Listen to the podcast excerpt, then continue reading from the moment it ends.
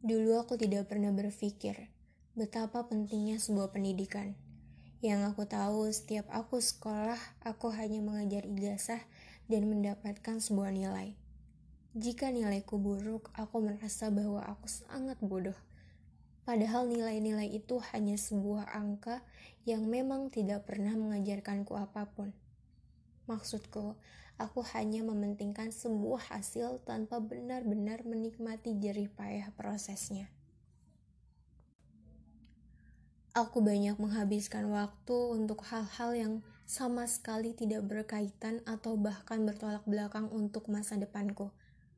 Aku menganggap bahwa guru itu adalah sosok yang monoton, yang hanya sekedar cuap-cuap di depan kelas, Aku merasa bosan dan jenuh dengan semua pelajaran yang sesalnya itu harus bisa kukerjakan.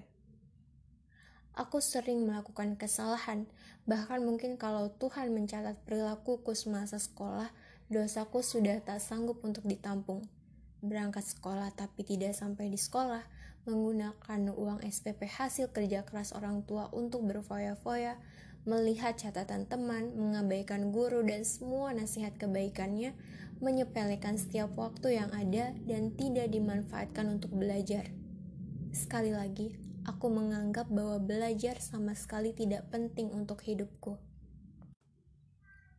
Saat ini aku baru sadar bahwa semua asumsiku tentang pendidikan benar-benar terpatahkan ketika akhirnya aku tersesat di jalan ini, di jalan yang benar menurutku, entah apa yang mau ku sampaikan kepada Allah, Aku merasa memiliki sebuah privilege dari Allah karena tidak pernah membayangkan bisa berada di posisi ini. Kalau aku bisa menceritakan seluruh perjalanan hidupku yang suram, mungkin lembaran kertas pun tak akan cukup.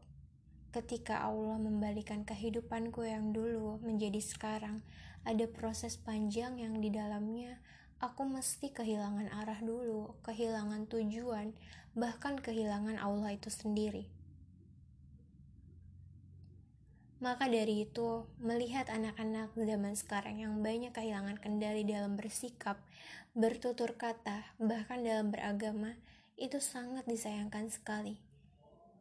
Bila ingin melihat fakta berdasarkan data, sudah banyak kita jumpai pada penelitian-penelitian ilmiah terkait kenakalan remaja, kasus remaja seperti narkoba, seks bebas, bahkan sampai ke ranah kriminalitas.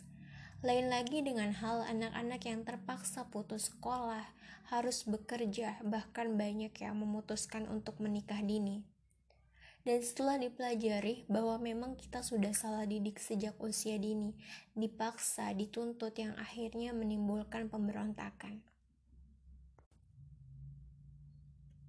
Well, belajar itu adalah proses yang tiada akhir, tanpa ujung, tanpa epilog Aku bersaksi bahwa pernyataan itu benar.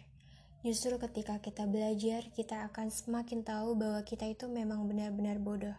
Banyak hal di dunia ini yang sedikit sekali kita pahami.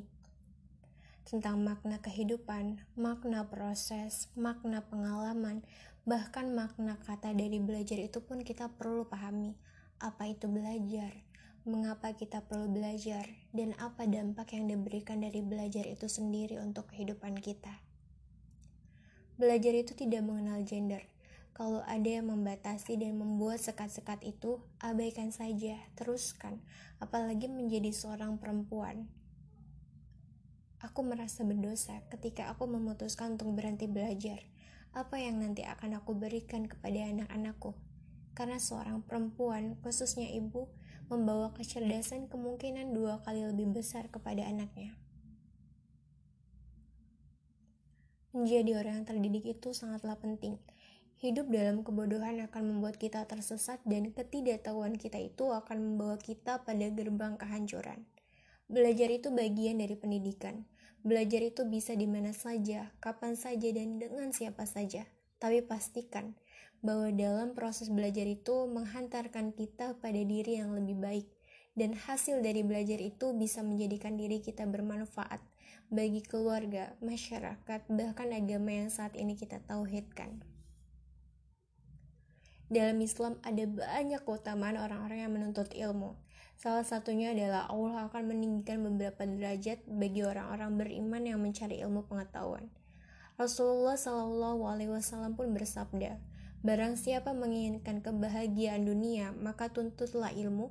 Barang siapa yang ingin kebahagiaan akhirat, tuntutlah ilmu. Dan barang siapa yang menginginkan keduanya, tuntutlah ilmu pengetahuan. Ilmu juga merupakan salah satu investasi akhirat dan amal jariah.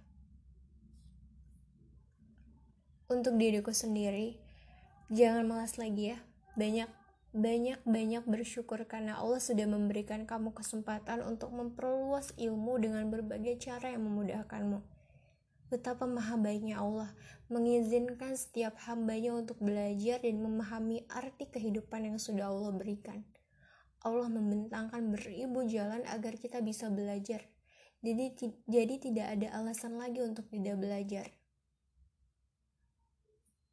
Luruskan niat untuk belajar karena Allah semata. Allah sendiri yang akan membalasnya jika kamu bersungguh-sungguh. Yakin deh, bismillah.